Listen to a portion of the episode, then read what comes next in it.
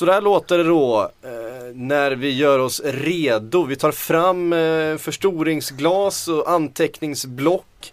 Eh, den här lilla, lilla vad heter det, taktiktavlan tar vi fram också för nu ska det ritas när Kalle Karlsson, chefsscout och fotbollsideolog i Sillypodden eller från Brasilipodden ska göra sin Jag sätter mig här och ritar, får vi se om det går fram i podden vad, vad, vad jag, vad jag, menar, jag, menar, jag menar att våra lyssnare ska ta fram ja, sina taktiktavlor ja, så de hänger med på alla, alla Det räknar man att de har framme hela tiden under ja. Sillypodden. Varsågod Kalle, vem är det du har scoutat? Eh, Herrera har jag scoutat och då tänker jag alla såklart på Ander Herrera Herrera men eh, det är inte han Herrera och det är inte Mexikos förbundskapten Herrera som i och för sig förtjänar sin scoutrapport för han löper ju lika mycket som spelarna under matcherna och är en oerhört stor profil under det här mästerskapet. Kanske den största man faktiskt. Man väntar på att den här hjärtinfarkten ska slå till när som helst. Ja den kan eh, slå till när som helst känns det som. Eh, men det handlar om Mexikos mittfältare Hector Herrera som jag blivit oerhört förtjust i under det här mästerskapet.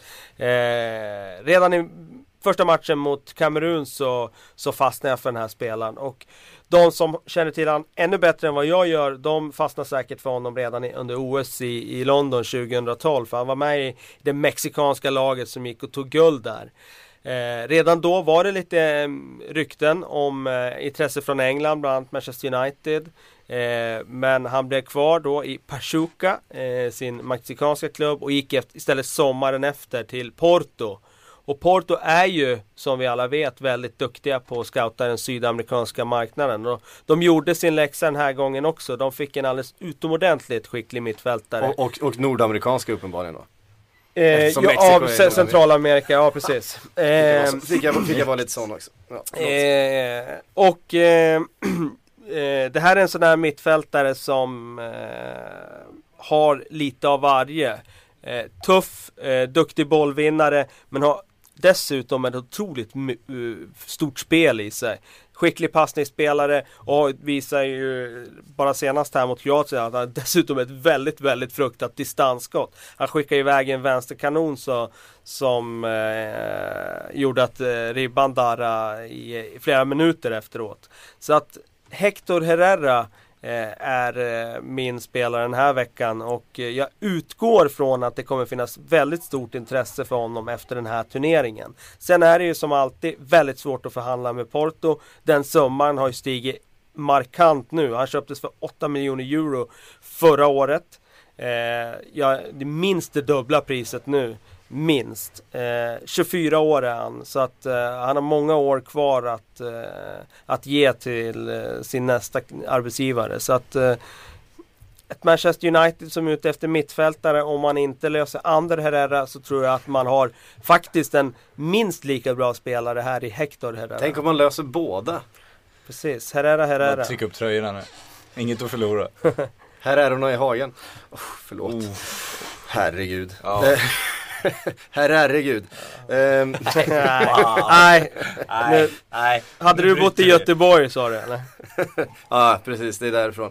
Um, vet vi någonting om hans kontraktssituation i, i Porto då? Har han många år kvar? Eh, han eh, skrev ju på där i fjol. Jag tror att han signade ett fyraårskontrakt då. Så att eh, det är inget kontrakt som löper ut inom närmsta tiden. Så att eh, han, kommer, han kommer att kosta rejält. Eh, jag skulle tippa på en summa jag sa minst det dubbla. Jag skulle tippa på 20 miljoner euro. Där, där landar det någonstans om, om det skulle vara aktuellt att köpa loss han. Ja, om de nu, för de ska ju släppa eh, Fernando.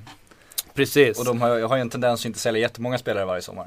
Nej precis, jag menar, när, jag menar Jackson Martinez har de ju hållit kvar mm. längre än vad någon trodde att de skulle göra. Så att eh, Ja, jag, jag skulle tro att eh, det kan bli svårt att köpa loss den här sommaren. Samtidigt så, jag har ju pratat om det många gånger, den där kvaliteten på centralt mittfält är ju en bristvara i, i fotbolls-Europa. Och när den väl dyker upp så finns det en tendens att klubbar är beredda att betala väldigt mycket pengar för den. Så att jag tror att eh, det kan vara någon klubb som, som faktiskt hostar upp en rejäl summa för honom. Ja och gör han ett tillräckligt bra VM så att han liksom blir en sån superprofil då går det ganska fort att få någon att betala det för då stiger även marknadsvärdet på det av kommersiella skäl. Vi har lite Salas och Zamorano och andra som inte var så jättestora innan som helt plötsligt var liksom världsartister som gör att det, det blir mer motiverat att betala de summorna. Mm. Eh, spännande. Eh, Hector Herrera, lägg det på minnet. Eh, Håll koll på honom nu då. Ja precis, det, Mexiko som ju kvalificerade sig igår. De har ju ett eh, underbart lag Mexiko måste jag säga. Alltså jag har blivit kär i det laget. Eh, redan i matchen mot Kamerun fastnade jag för Mexiko. Men då var det svårt att värdera hur bra är de. För Mm. Kamerun var ju så fruktansvärt dåliga. Och de var ju så oorganiserade. Så man visste ju inte, är det liksom Mexiko som gör det här otroligt bra? Eller är det bara Kamerun som är så otroligt dåliga? Men nu har vi faktiskt sett att Mexiko är eh, riktigt, riktigt bra. Och de har blivit, gått från att ha ett katastrofkval till att på kort tid få till det så här, eh, så här bra. Så att, eh, ja, håll koll på Mexiko. Och man gillar det också, det är inte de här def-lagen som kommer vidare nu som det varit många gånger tidigare. Att de som lyckas stänga matcherna och ta sina viktiga poäng. Utan det känns som de här Mexiko, Chile och andra, det är extremt offensiv, positiv fotboll liksom som gör att de ändå spelar sig vidare på ett annat sätt.